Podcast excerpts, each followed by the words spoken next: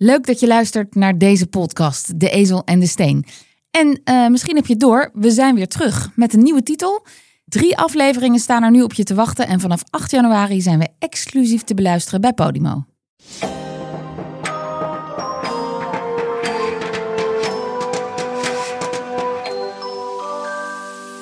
Dit is De Tijd zal het leren. Een podcast over gebeurtenissen van vandaag die schreeuwen om een vergelijking met gebeurtenissen uit de geschiedenis.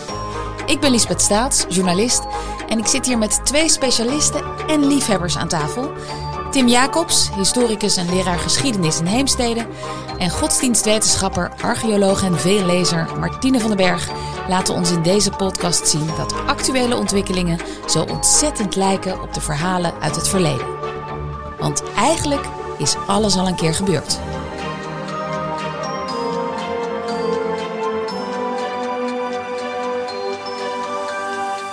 Met vandaag in het nu de cancelcultuur. Je mag ook helemaal niks meer zeggen tegenwoordig. Klinkt het tenminste. Ja, waar uh, kennen we dat van de laatste tijd? Uh, Johan Derksen, denk ik. Die uh, schiet dat, meteen naar Dat lijkt mij het meest sprekende voorbeeld van de laatste, laatste ja, tijd. Die is door opmerkingen in het programma Vandaag Insight ook echt gecanceld. Hij mocht geen radio meer maken. Ja, bij, hij had een programma bij Radio Noord-Holland volgens mij. Daar is hij weg. Hij is natuurlijk wel teruggekomen bij, uh, bij, bij VI Insight. Ja. Dus nou ja, is hij helemaal gecanceld? Nee, hij is gecanceld in Noord-Holland. Noord-Holland heeft hem gecanceld. Die heeft duidelijk de stem, ja, de stem theater, laten horen. Volgens mij. Theater, oh, en theater ook. Ja, ja, ja. Nou ja, dus, dus nou, die is half gecanceld. Dan. Ja. Ja. Maar uh, gebeurt het vaker bij personen of vaker bij bedrijven? Uh, ik kan me herinneren, Gillette, hè, dat daar een hele hoop opheft. Tenminste, dat daar mannen waren die uh, Gillette had gezegd dat ze opkwamen voor de zachte kant van de man. Ja. Ben ik gelijk producten gaan kopen. um, maar in ieder geval, daar waren een heleboel stoere mannen, waren daar, waren daar boos over. En die gingen het boycotten juist? Ja, die zijn toen denk ik naar Bolt King Ja. gegaan of naar een ander merk. En die gingen dan ook eh, mesjes door de wc spoelen, waardoor ze dan een enorme verstopping kregen. Was dat echt zo heftig? Ja, er zijn, dus Gillette is daar een voorbeeld van, maar er zijn ook wel meer bedrijven die zijn eh, gecanceld, waarbij mensen dus online de producten van dat betreffende bedrijf gingen vernietigen. En dat was natuurlijk erg grappig als dat dan weer vervolgens helemaal uit de hand liep. Als in online, als dat daar dus filmpjes van gingen maken. filmpjes eh, online ja. zetten en dat ging dan weer viraal. En de grap was natuurlijk dat ehm, de marketeers heel snel in de gaten hadden dat dat gratis reclame was en dat die bedrijven daar feitelijk eh, Profijt enorm hadden. profijt Ja. van hebben. De sales van Gillette ging als een speer omhoog, onder andere vanwege jou, Tim. Dus eh, Ja, nou, hartstikke goed. Ja. Maar, het heeft goed gewerkt. maar cancelen, dat wordt ook wel heel snel in de mond genomen en gebruikt. Hè? Dat als je een beetje onwelgevallige opmerking maakt en iemand heeft daar kritiek op, dat er dan geroepen wordt, ik word gecanceld, je kan niks meer zeggen. Ja, precies. En het was natuurlijk oorspronkelijk, of oorspronkelijk, eh, toen het fenomeen een beetje begon te ontstaan, eh, hè, zo rond eh, 2014, 15, toen heette het nog geen cancel culture, maar call-out culture. Ehm, was het toch vooral iets wat eh, werd gedaan door mensen vanuit de BLM-beweging, Black Lives Matter, en vanuit MeToo in 2017, 18. Waarbij mensen die feitelijk normaal gesproken niet echt een stem hebben, juist Mhm. social media konden gebruiken om wel hun stem te laten horen. En dus te zeggen, deze man eh, heeft mij eh, misbruikt of deze, eh, deze politieagent heeft mij klappen gegeven. Precies, Harvey Weinstein- was natuurlijk een, een voorbeeld van hoe dat, hoe eigenlijk een heel invloedrijke Hollywoodman eh, ehm, aan de schandpaal werd, werd genaagd. En, en, dat, was, dat, was, dat was feitelijk nog nooit eerder vertoond in die zin. En je had natuurlijk wel ehm, Bill Cosby en nog wel wat anderen die, die waren aangeklaagd. Maar dit was echt iets heel publiekelijks. En dus ook ehm, het, het democratische ervan was heel opvallend. En Je kunt gewoon vanuit je zolderkamertje dat gaan roepen. En eh, ja, voordat er enig bewijs is, wordt zo'n man al eh, Ja. ontslagen. Trial of, by eh, media. Precies. Wordt er dan ook geroepen? Ja. Ja, precies. Dus dat, eh, dat, maar goed, ik, ik, ik, ik vind het, eh, in zoverre je van, van sympathie kan spreken, vind het sympathieke er wel van dat het inderdaad een stem geeft aan mensen die door normaal gesproken geen stem hadden. Mhm. Alleen het is natuurlijk wel, eh, heeft zich zeg maar doorontwikkeld tot iets wat iedereen kan overkomen en wat ook te pas en te onpas gebeurt. En dat is waar, we, waar we natuurlijk allemaal Want- een beetje een vervelend gevoel over hebben. In de voorbereiding noemde jij ook Salman Rushdie. Ja. Die had gewoon een fatwa aan zijn broek Ja. hangen. Dat Ja. is, dan word je echt gecanceld. Dan, Ja. Nou ja, dat, Ja, zelfs dat- met eh, de doodstraf eh, ja. eh, stond daarop. Als hij nog zou schrijven. Mensen maakten echt jacht op hem. Ja. Is overigens ook weer opgegeven. Dat is wel interessant. Dus ook die fatwa was uiteindelijk tijdelijk. tijdelijk. Ja. Hoe lang Ja. heeft die geduurd? Nou, ik denk toch wel zo'n jaar of 15. Ik zeg dat even uit mijn Ja, ja. hoofd. Dat moeten we dan even Ja. opzoeken. Maar, Meer dan, ja, zeker denk ik. ja, ja, zeker wel. Ja. Maar mensen roepen ook, ehm, ja, je mag het niet meer zeggen, maar ik hou heel erg van een biefstuk. En dan word ik vast nu eh, gecanceld omdat niemand meer vlees wil eten of zo. Weet je, het wordt ook wel als een heel makkelijk instrument gebruikt. eh. Maar je bedoelt dat mensen zeggen ze worden gecanceld, Ja. dat dat het instrument is, Ja. of het cancelen is een... Nee, zeggen, ik word gecanceld. Dus ben je, ben je, Nou ja. een slachtoffer. En dat komt je dan heel goed uit. Ja, dat maakt het ook lastig. Jij refereerde net natuurlijk aan Bill Cosby en Harvey eh, Weinstein, Martine. Dat gaat voor mij heel duidelijk over MeToo. Een ander voorbeeld waarbij eh 2019, waarbij de cancel culture in Amerika nou ook weer een nieuwe vlucht krijgt, is, is rondom comedians. Met Saturday Night Live is op een gegeven moment een nieuwe, ik ben even zijn naam kwijt, er komt een nieuwe, nieuwe nou, grote naam in eh, bij, bij Saturday, Night, Saturday Night Live. En eigenlijk voordat die opgenomen wordt in dat programma, is er al zoveel protest online van mensen die filmpjes van hem posten waarin hij hele racistische grappen maakt. Ehm, dat eigenlijk wordt gezegd, nou ja, eh, deze meneer wordt eh, gecanceld. Dus eigenlijk jammer dat hij die naam niet meer weet. En dan gaan Is natuurlijk vervolgens gaan natuurlijk allemaal cabaretiers zeggen, ja, en eh, eh, wij worden nu in onze vrijheid beperkt. Terwijl je ook gewoon kan zeggen, ja, normaal gesproken ehm, bepaalt een publiek in een theater of de grap leuk is of niet, door wel of niet te lachen. En op het moment dat jij jezelf op een groot podium zet en mensen zeggen, nou, wij vinden dit niet grappig, want het is niet oké of het gaat te ver, ja, is het ook aan het, aan het Publiek. publiek. En het is dus, als je die theorie krijgt, is het dus, jij noemde net ook al democratisch. Het is in die zin ook democratisch dat een, hè, een groep, nou ja, noemde net Black Lives Matter, maar dat kunnen dus ook, nou laten we even zeggen dat deze meneer grappen maakte over, over, over Aziatische mensen. Een, dat, een, dat een groep die een minderheid is in de samenleving, bijvoorbeeld Aziatische mensen, zich heel duidelijk kunnen laten horen tegen een nou ja, geprivilegeerd iemand. In die zin niet dat die comedian eh, alleen maar geluk in zijn leven heeft gehad, maar die staat wel op die plek waarin hij dat soort boodschappen kan verkondigen. Dus het is in die zin natuurlijk ook een heel democratisch eh, fenomeen. Tegelijkertijd, ja, ik kan het ook. Jij noemde net trial by media. Ja, dat is natuurlijk ook heel, heel gevaarlijk. Dat, dat er al op mensen geschoten wordt, bij wijze van spreken, voordat er ook maar bewijs is. van bewijs. Of, Ja, eh, ja. ja.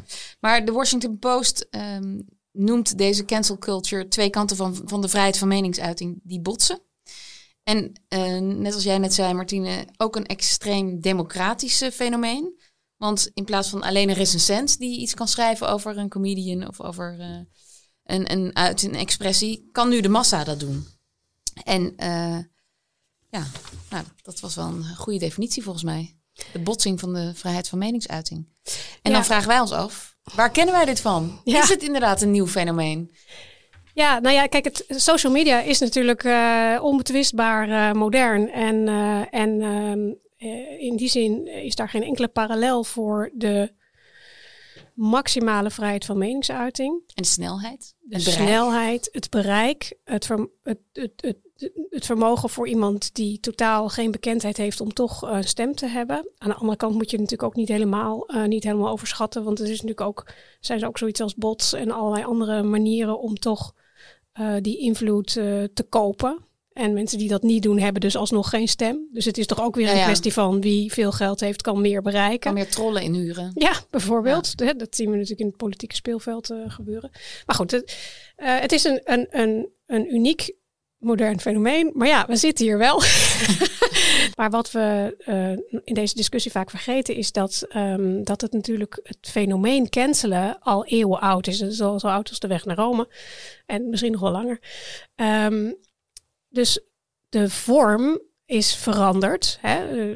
Mensen in het verleden deden dat op een andere manier. Het was vaak eh, vanuit de overheid, hè? De, de invloedrijke witte mannen die konden zeggen: eh, jij mag niet meer meedoen. Nee.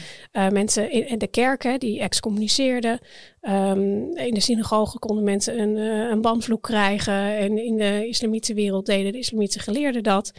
Ehm, dus, dus religie, overheid, dat waren de instituten die mensen konden cancelen. En dat gebeurde aan de lopende band. Dus dat is absoluut geen eh, modern fenomeen. Alleen de vorm van nu, dus via Instagram en social media iemand eh, binnen een avond, zeg maar, uh, Ja. kalt stellen. Ja. Dat is natuurlijk wel niet. Ja, dus, dus iedereen kan het nu doen.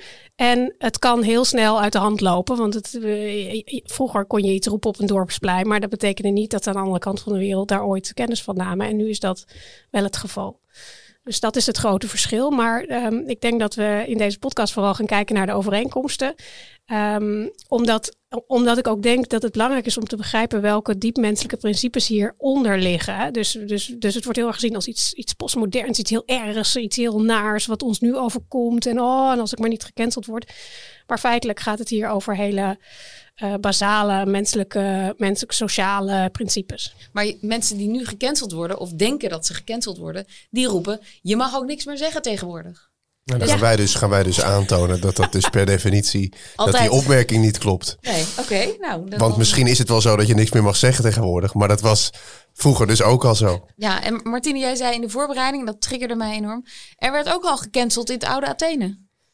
Ja, dat klopt. Eh, Vertel. sterker nog, ik denk dat die een fantastisch systeem hadden. Ik ben echt een eh, groot fan van het ostracisme. Het ostracisme. Ja, het ostracisme, die, dat woord wordt overigens in de, in de Engelse literatuur over, juist in de psychologie en de sociologie, heel veel gebruikt om als term om aan te geven dat mensen uit de groep worden gezet. Hè, dus het hele Buitensluiten. fenomeen buitensluiten van mensen, dat wat feitelijk al gebeurt op het, op het schoolplein. Hè. Dat is natuurlijk niet iets wat, eh, wat eh, aan volwassenen is voorbehouden. Sterker nog, het gebeurt ook in het dierenrijk. Eh, hè, primaten, andere apen, die, ja, Die zetten iemand ook op de gang. die zetten mensen ook op de gang. Waarom? Vaak als mensen ofwel heel afwijkend gedrag vertonen, of kinderen dus, of, of apen. Ofwel als ze heel erg veel macht verzamelen. Dus die twee scenario's zijn redenen voor een samenleving of een groep om mensen eh, een kopje kleiner te maken. Dat is dus iets wat al heel erg oud is. Nou, en jij vroeg eh, naar Athene. Ja. Ik, ik ben weer een beetje afgedwaald, mijn excuses.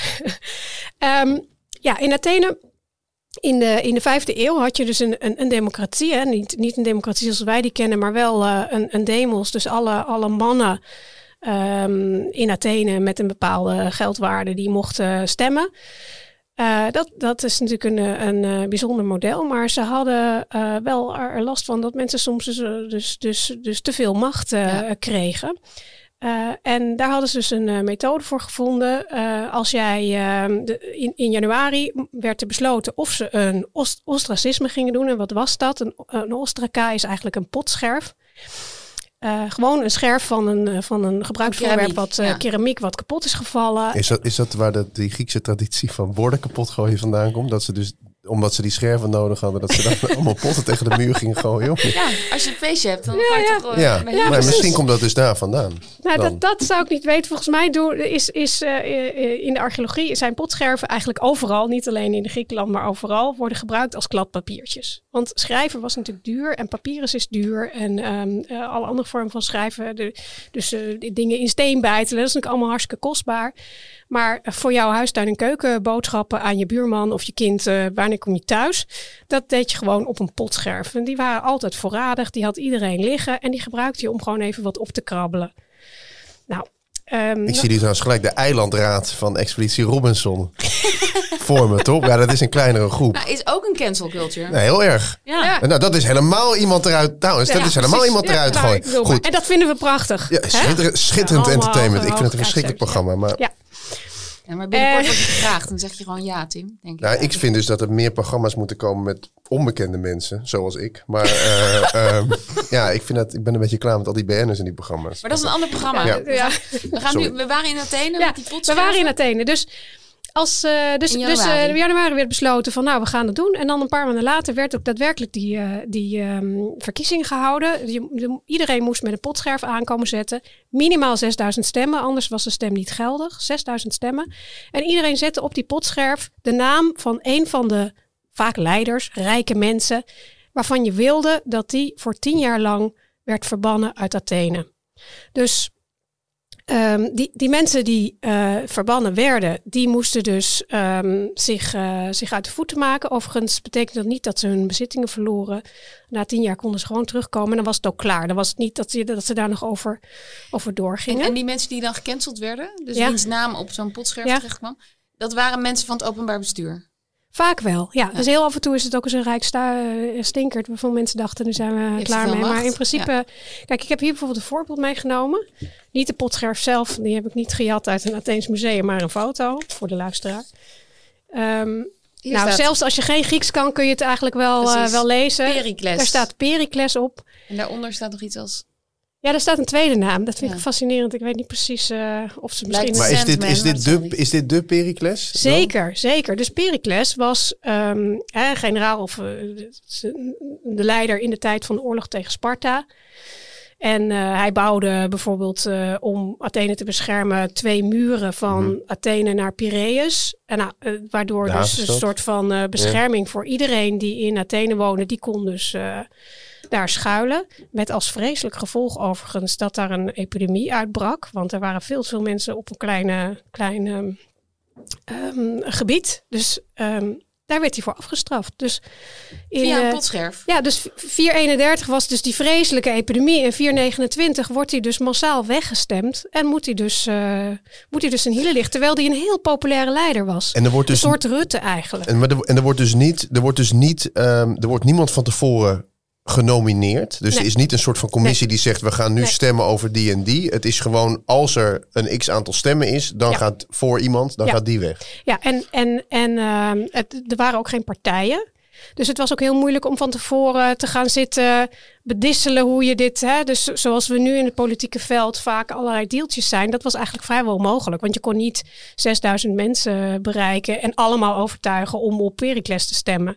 Dus dat moest echt, was echt een zuivere het stem. was een zuivere stemming. Ja. En eh, ja, het is een model wat eigenlijk een soort checks and balances is voor, voor de democratie. Want je ziet toch eh, in democratische processen dat soms mensen toch heel veel macht vergaren. En dat er bij het, het volk, de- in dit geval de demos, het idee ontstaat van ja, dat, dat is toch niet wat we voor ogen hadden. We hadden voor ogen dat we altijd samen beslissen. Maar het is eigenlijk een soort omgekeerde verkiezingen. Ja, Hoe wij nu de precies, verkiezingen kennen. Precies. Wij stemmen mensen in, in het plus. Klopt. Maar daar word je Ja, uit je wordt er uit, eh, uit de plus Ja. gestemd. En Ja. dat, eh, dat was overigens niet het enige, want je werd ook in het plus gestemd. Maar ehm, ja, dit, dit is dus een, een manier. Dus, en wa- waarom noem ik dit? Omdat dit eigenlijk een van de meest gestileerde vormen van. Naast de Island Robinson, eh, hoe het ook heet. Expeditie rond. Expeditie. Expeditie. Ik heb het één seizoen gevolgd. Maar daarnaast is het een van de meest gestileerde vormen van canceling. En ik vind het eigenlijk wel een zekere charme hebben dat je dat dus zo stileert dat het niet meer heel persoonlijk is. Ja, het is wel persoonlijk, want je wordt, eh, wordt eh, Verbannen. verbannen, maar het is, Het is geen een heksenjacht. proces. Het is geen heksenjacht. Maar het zou, het zou natuurlijk nu nooit meer op die manier. Jij beschrijft het als relatief zuiver. Het zou nu nooit meer op die manier zo zuiver kunnen. Omdat er natuurlijk veel te veel Ja, eh, eh, manieren zijn om mensen Precies, te beïnvloeden. precies. Die Ja. verder gaan dan alleen de inhoud van iemands beleid natuurlijk. En zelfs in, in, in Athene hield het op aan het einde van de, van de vijfde eeuw, omdat, ze, eh, omdat er te veel eh, eh, groepjes ontstonden. Dus oligar, zeg maar de oligarchie, hè, dus, dus, dus mensen gingen samenwerken. En dan wordt het ineens heel moeilijk om zoiets... een soort van partij of in ieder geval een soort van facties. Ja, zo zou je het kunnen zeggen. Ja.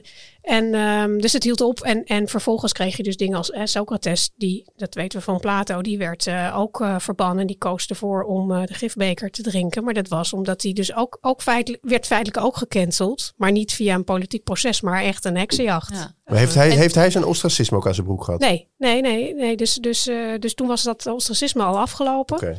En hij was echt typisch iemand die sub- subversief was in de ogen van, eh, van de oligarchen. Die dachten, ja, die man die, eh, die, die beweert van alles. Dat is heel slecht voor onze jeugd. Hè. Hij Ja. corrumpeert de jeugd, dus dat moeten we niet hebben. Dus die werd aangeklaagd voor goddeloosheid. En dan eh, is een hele grote sprong in de tijd. Ja. Want Hele grote. ja, nou ja, ik was wel verbaasd om de naam Hollywood eh, als bron van een grote cancel eh, stroming te horen. Ja, Hoe nou zit ja, dat, Tim? Nou, ik, ik, ik moest daaraan denken. Ehm, dit is dus weer. Hè, voorbeeld van Martine is volgens mij is het van volk of in ieder geval van meerderheid naar macht. Dit is eigenlijk meer van macht naar weer naar, naar beneden. Eh, Hollywood, Amerika, ehm, eh, 20e eeuw. Eh, de Verenigde Staten is bang natuurlijk voor het communisme. 1917 is, is Rusland communistisch geworden. Nou, die hebben een hele ideologie om de hele wereld communistisch te maken. En nou, arbeiders, alle landen verenigt u. Eh, maar er is in Amerika natuurlijk gewoon een, communistische partij. Ehm, die is niet zo heel groot, maar wel heel actief. Op zijn hoogtepunt hebben die ongeveer 50.000 uh, leden. En die zijn heel erg betrokken bij allerlei burgerrechtenbewegingen. Zowel voor zwarte als voor vrouwen. In ieder geval, we zouden dat nu een extreem progressieve, of een hele, of extreem, ik weet niet of vrouwenrechten nog steeds, of je dan nog steeds progressief bent. We zouden dat nu met terugwerkende kracht een hele progressieve groep uh, uh, noemen. Nou, die partij die, omdat men bang is voor dat communisme, die partij, uh, uh, nou, daar hangt er wel een beetje een gek sfeertje omheen. Ook omdat ze zien wat op een gegeven moment in de Sovjet-Unie gaat gebeuren. Uh, zuiveringen onder Stalin, het pact met Hitler um, om samen te werken in de Tweede Wereldoorlog. En dan worden natuurlijk opeens, hè, als Hitler Duitsland binnenvalt, worden het allies, geallieerden, werken ze samen. Goed, lijkt allemaal hartstikke goed te gaan. Allemaal leuk met die communistische partij in Amerika. Geen veldje aan de lucht. Totdat natuurlijk na de Tweede Wereldoorlog het, de Koude Oorlog zich opdringt. Nou, en wat er dan uh, gebeurt, is dat um, er is heel lang is Roosevelt, de democratische president, aan de macht geweest. Die heeft vier termijnen gehad, mag nu niet meer. En in 1946 komt er een, uh, in het Huis van Afgevaardigden een grote, nou ja, sweep is misschien een beetje een overdreven, maar in ieder geval, er komt een grote republikeinse meerderheid. Omdat men is een beetje klaar met dat bezuinigen en de New Deal. En, we, willen, we willen gaan spenden. En um, nou, dat is eigenlijk het begin dat er Eerst in Hollywood en later kom ik zo meteen misschien op, op uh, McCarthy dat er in Hollywood gejaagd gaat worden tussen haakjes dat er mensen gecanceld gaan worden vanwege hun wel of niet uh, banden met uh, de communistische partij. Want dat is opeens eng en die willen Amerika ondermijnen. De nou, commies. De commies, precies, ja. Wat gebeurt er in het Huis van Afgevaardigden is, dat die bestaan al lang, is een soort, is de House of Un-American uh, Activities Committee. Um, en On-Amerikaanse activiteiten? Ja, ja on-Amerikaanse ja. activiteiten. Dus ja, een soort geheime, parlementaire geheime dienst. En die, um, die gaan naar aanleiding van beschuldigingen in, in de Hollywood Report, een krant waarin een hele bub van um, scriptschrijvers, acteurs, mensen in die Hollywood-wereld. Die natuurlijk hè, um, nou, zou je nu ook kunnen zeggen, wat natuurlijk ook van nature wel een relatief progressieve wereld, internationaal georiënteerd is, misschien een beetje cosmopolitisch. Dus er zit best iets in dat daar, dat was ook gewoon zo, daar, daar werkten veel mensen met, hè, in ieder geval voor Amerika, vrij linkse sympathieën. Um, er wordt een lijst van 19 mensen, heeft, moet ik goed zeggen, wordt een lijst van ongeveer 40 mensen wordt daar um, um, uh, uh, beschuldigd. Uiteindelijk blijft er een lijst van 19 van over. En die worden door dat House of Un-American Activities gedaagd om voor, uh, voor het Huis van Afgevaardigden te komen getuigen. Nou, Getuigen dat ze niet communistisch zijn. Ja, die worden opgeropen. Het is eigenlijk, er is een soort parlementair onderzoek, zou je kunnen zeggen, over dat, of hoe het communisme in Hollywood zit. Nou, elf mensen komen opdagen, uh, waarvan er eentje, ik wil er eigenlijk twee noemen. Eentje is de Duitse uh, toneelschrijver en recensent uh, Bertolt Brecht, die ja. naar Amerika gevlucht is. Zat hij in Amerika? Dat wist die zat in Amerika, die was vlak voor Hitlers overname gevlucht. Die zit in Amerika, die heeft dus ook al naam gemaakt in, in Hollywood blijkbaar. Um, en hij is van de elf mensen die komen opdagen, de enige die antwoord geeft op de vraag um, of hij ooit lid is geweest of banden heeft gehad met de communistische partij. Hij is de enige die die vraag beantwoordt. Een dag later of twee dagen later vlucht hij terug naar Oost-Duitsland inmiddels. Want hij gaat in de communistische heilstaat wonen. Wat, wat een treurigheid. Hè? Dus dat je, dat je, dus vlucht naar een land waar je dus e-, enige tijd veilig bent en vervolgens ja. weer uh, eruit wordt getrapt omdat je niet de juiste. En, en van het land van de vrijheid ja. Naar Oost-Duitsland. Ja. wat natuurlijk wel dan bij zijn, bij zijn ideeën paste. Maar dat, ik, weet, ja, ik weet niet hoe hij dat gevoeld heeft daar uh, nee, maar uiteindelijk. Bij de communistische partij in Amerika horen, heb je toch echt een ander leven dan in Oost-Duitsland en daar uh, communistische sympathieën. Dat denk ik ook. Dat denk ik ook. Ik denk het niet alleen, ik weet het wel zeker. ja, nee. Dus um, nou, Bertolt Brecht uh, weg. En dan zijn er tien mensen um, die principieel weigen antwoord te geven op die vraag die ik net formuleerde. Waarom? Omdat ze zeggen, ja luister, we wonen gewoon in de, in de Verenigde Staten. En in de grondwet staat dat er gewoon, er is vrijheid van meningsuiting. En misschien nog wel belangrijker, er is vrijheid van vereniging. Dus wij mogen, als we dat willen, gewoon lid zijn van uh, een communistische partij. Of daar ooit banden mee gehad hebben of wat dan ook. En het is niet, jullie hebben niet het recht om ons hier naar te vragen. Want het gaat over onze overtuigingen. Nou, die tien die weigeren dus antwoord te geven. En wat gebeurt er? Een hele grote bubs van uh, uh, Hollywood-bazen besluit de, met elkaar, dat heet de Waldorf Statement, die komen allemaal samen in een van de hotel, de Waldorf Astoria waarschijnlijk. Dus niet één of ander hotel, hè? Het is een super groot mooi hotel, de Waldorf Astoria. Maar er zijn, er, zijn er dan meer van of niet? Nee, het is wel een keten. Oké. Okay. Oké, okay, maar je, je, zei het een beetje alsof het een soort motelletje was. Ja, ik moet altijd denken aan Waldorf en Stedtler van de Muppets ja. als het over Waldorf gaat. Maar Nou, die komen daar samen en die brengen een statement uit. Deze mensen gaan, gaan uit. Die, deze gaan we gewoon letterlijk gaan we cancelen. Die gaan we gewoon hè, die gaan we ontslaan. Ja. Ja. maar dat de ontslagrecht kan blijkbaar. Wat er allemaal interessant trouwens bij is, is dat eh, er zijn ook mensen in dat onderzoek, eh, friendly witnesses, die dus getuigen van inderdaad, er is heel veel communistische activiteit in Hollywood. Wie zit er daarbij? Onze grote vriend Walt Disney. En natuurlijk Ronald Reagan, ehm, die voorzitter is van het acteursgilde. En die zijn er alle twee van overtuigd dat de communisten ehm, echt helemaal in, in de haarvaten van Hollywood zijn Die, die eh, gingen gewoon gedrongen. een beetje verlinken daar. Nou ja, die zijn die we weten geen naam, maar die zijn in ieder geval wel tegen, de, tegen het Huis van Afvaarden. Ja, er is een probleem in Hollywood. We hebben mensen die, die ja. films maken en communistische propaganda daarin Ja, eh, volgens doen. mij is, is dat, waren dat ook de eerste stappen van Ronald Reagan in het politieke domein. Dus die was natuurlijk gewoon eh acteur. Acteurtje. En, eh, ja, acteurtje.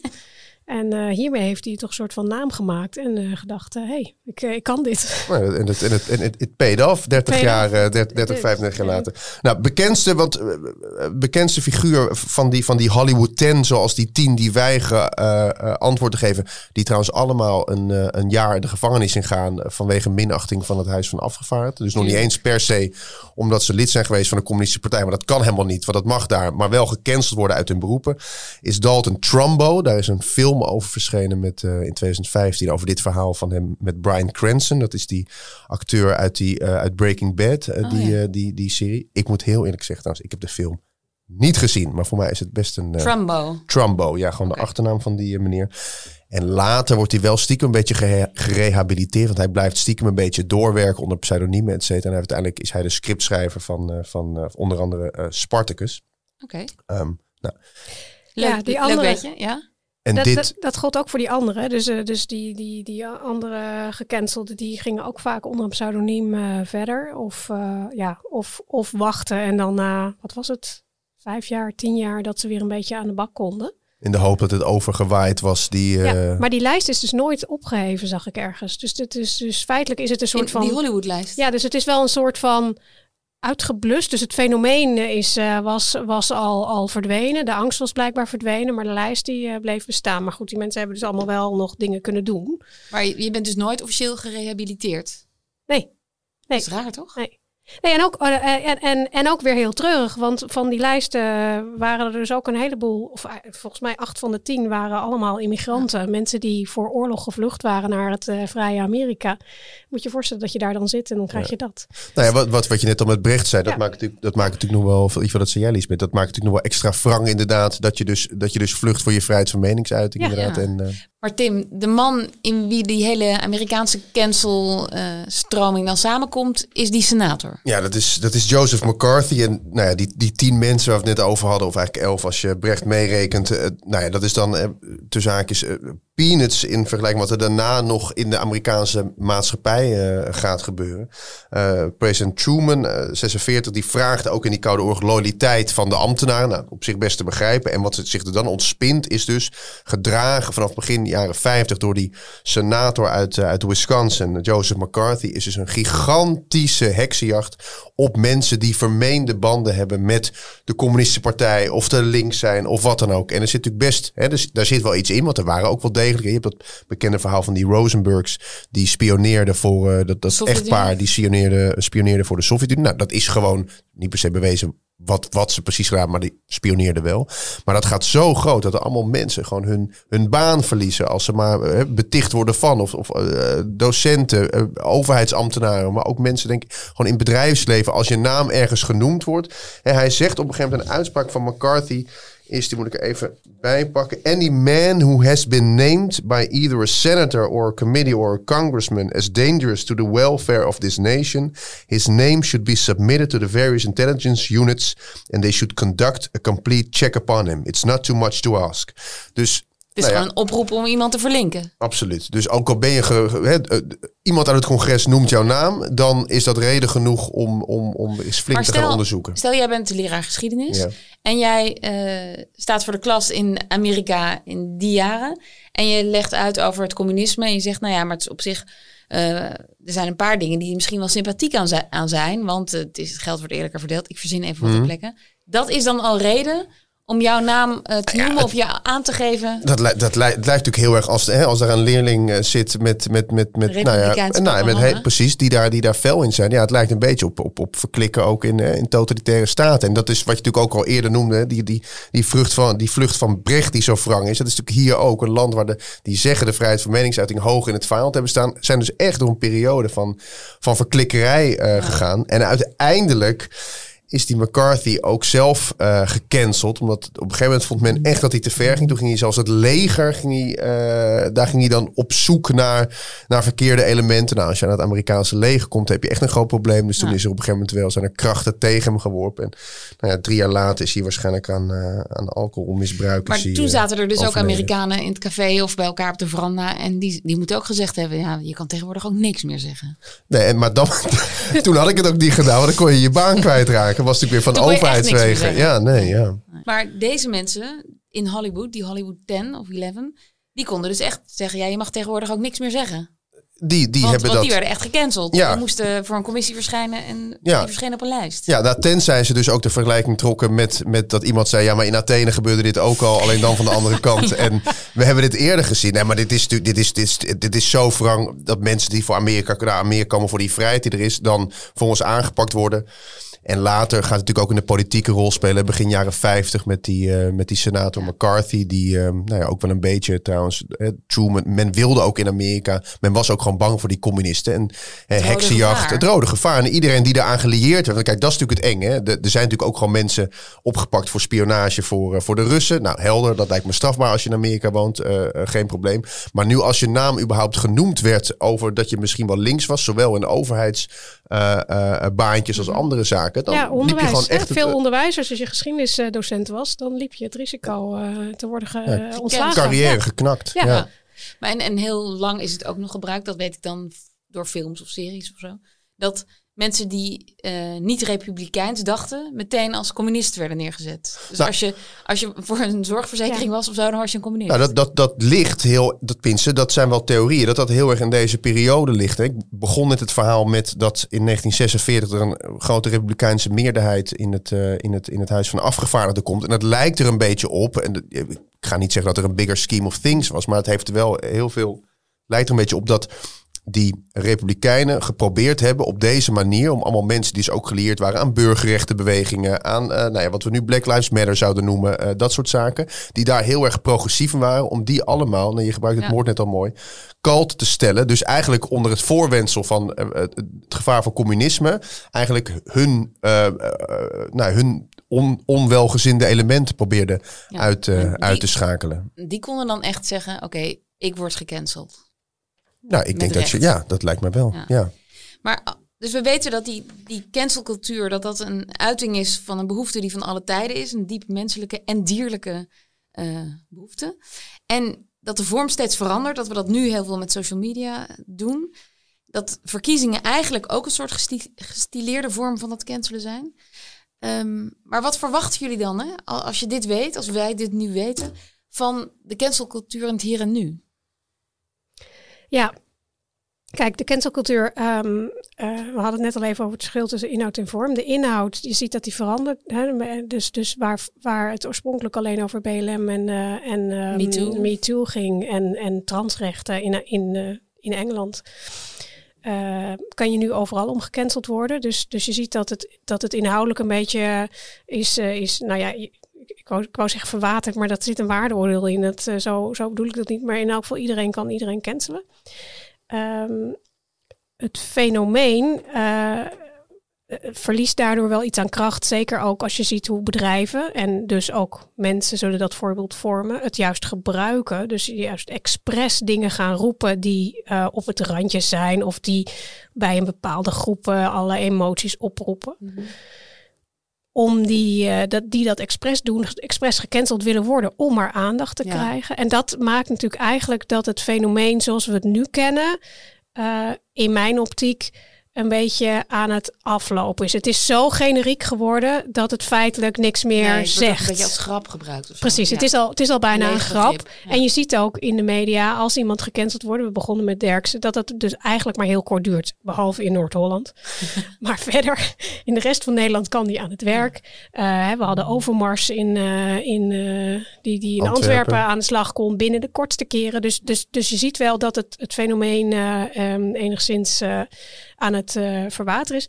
Maar aan de andere kant wil ik wel even benadrukken dat dus juist omdat het zo'n diep menselijk fenomeen is, dat het altijd ook weer terugkomt. Dus we zullen altijd zien dat er weer een nieuwe vorm ontstaat waarin mensen, eh, eh, mensen met macht en invloed een kopje kleiner willen maken. Dat is blijkbaar een diep menselijke behoefte voor harmonie die we hebben. En Die, onze eh, behoefte aan eh, groepsgevoel en Precies. groepsgedrag. Ja, exact. Hoe zie jij dat, Tim? Nou, als je kijkt, denk ik ben het wel voor een groot deel met, met Martine eens. Maar inderdaad, als je kijkt nu, ehm, ja, toch een beetje, ik vind het een beetje een gratuit voorbeeld, maar we gaan het toch doen met het hele verhaal van nu met, eh, met, met, met Johnny Depp en, ehm, en Ja, Amber Heard. Hij heeft die rechtszaak eh, gewonnen. Ehm, ik, ben, ik, ben, ik raak er nooit in de verleiding om filmpjes te gaan kijken. Want je kon zelfs op nu.nl kon je dan meekijken. En ik heb er gewoon dus, ik merk bij mezelf, ik heb dus helemaal geen behoefte om dan dus een stukje te kijken van zo'n rechtszaak. Ah, fijn, dat terzijde. Ehm maar Ook wat al- er nu. Ook al geen Expeditie Robinson. Nee, Ja. nee, ik ben ontzettend. eh, ik, ik heb ook geen elektri- ik, heb geen elektriciteit ook thuis.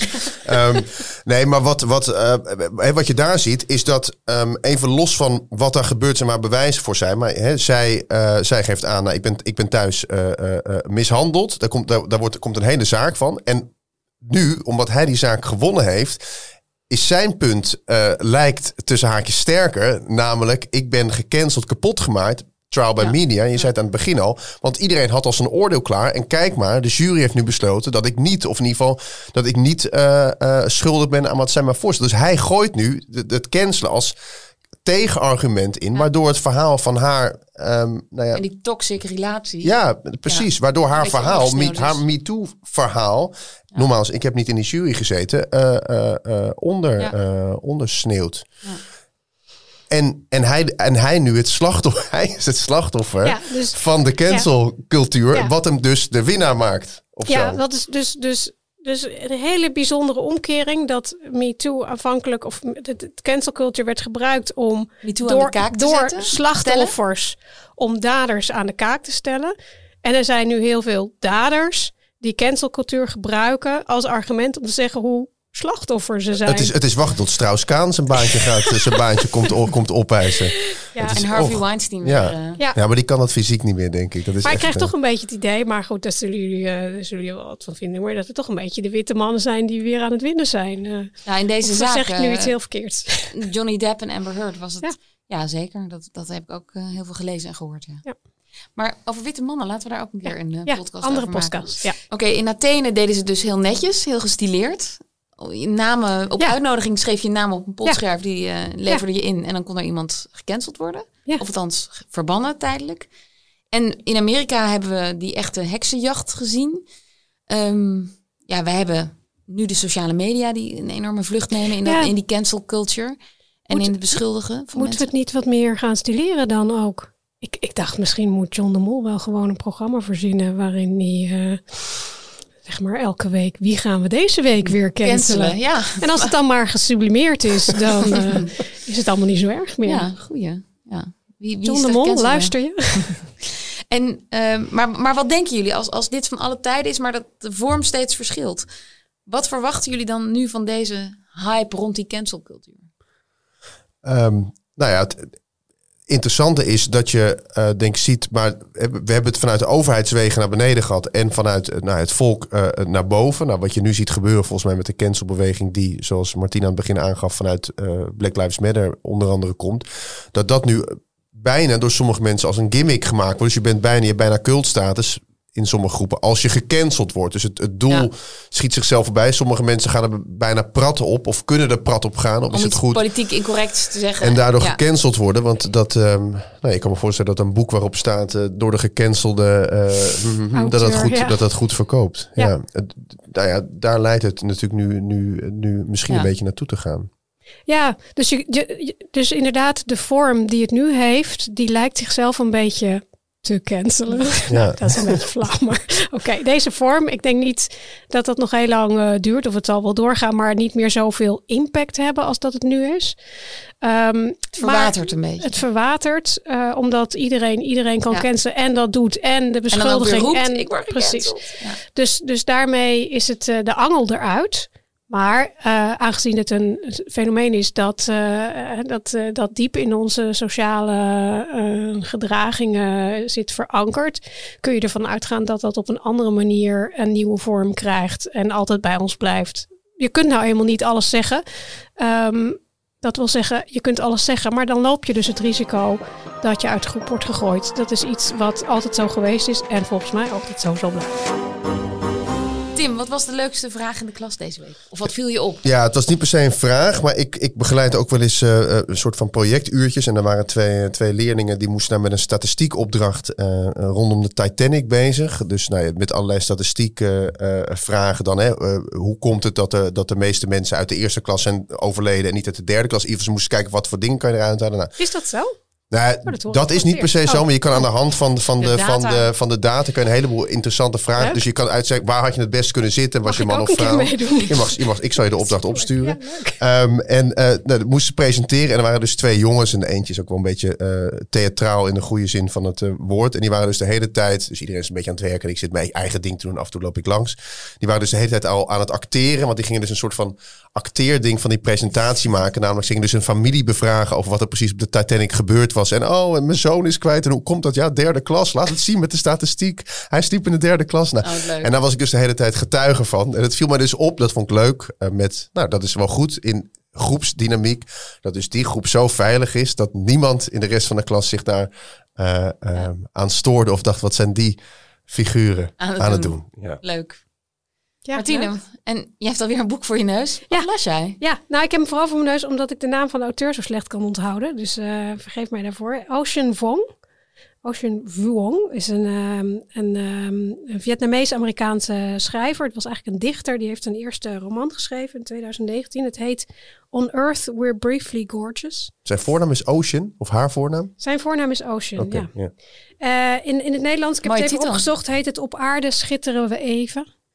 En het is werkelijk, het is dus echt prachtig geschreven. Want het is, je kunt echt zien dat het een dichter is die eh, eh, schrijft. Ehm, ik zal niet het hele plot verklappen, maar ehm, wa- wat ik eigenlijk wil zeggen, dat het, het is een, een, een jongeman die schrijft aan zijn moeder in het Engels. ehm, aan zijn moeder die niet kan lezen en niet eh, kan schrijven en ook geen Engels kan. Mm. Dus het is eigenlijk een soort hopeloze poging om te communiceren met je moeder. Dat vond ik heel mooi. Ehm, Ocean Vuong. Ja. ja. maar het is vooral ook een oproep om eens iets te lezen van mensen die heel ver van je afstaan. Deze jongeman eh is dus heel vroeg, of, eh, of, of op jonge leeftijd, naar, eh, naar Amerika gekomen met zijn moeder en zijn grootmoeder. na de val van Saigon. Mensen met vreselijke trauma's die totaal niet, ehm, niet meer kunnen communiceren. Ehm, die nachtmerries hebben, die, die, die, de, de moeder die het kind mishandelt, wat dan ook. Ehm, het is, het is heel, in dat opzicht heel indrukwekkend, maar vooral ook, ook heel anders dan wat je kent. Hè? Dus Ja. het, is, het is een andere cultuur, een andere taal, ander, een, een, een, een verschrikkelijk trauma waar we ons niks bij van kunnen voorstellen. En ik, ik, ik wil toch eigenlijk pleiten bij onze luisteraars, lees eens iets totaal anders. Niet iets van de Nederlandse schrijver. Ja, dus sorry voor de Nederlandse schrijvers, maar sorry Lisbeth.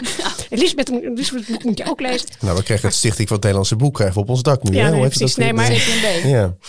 Ik ben, eh, ik, ik ben toch wel vooral groot voorstander van om dingen te lezen die buiten je comfortzone liggen. Om, om, om gewoon eens te voelen hoe het is om in andermans schoenen te staan. Dus bij deze Bij aanbevolen. deze Ocean Vuong. Dit was De Tijd zal het leren. Abonneer je op onze podcast om nooit meer een aflevering te missen. En laat dan vooral ook een review achter, want eh, daar leren we van.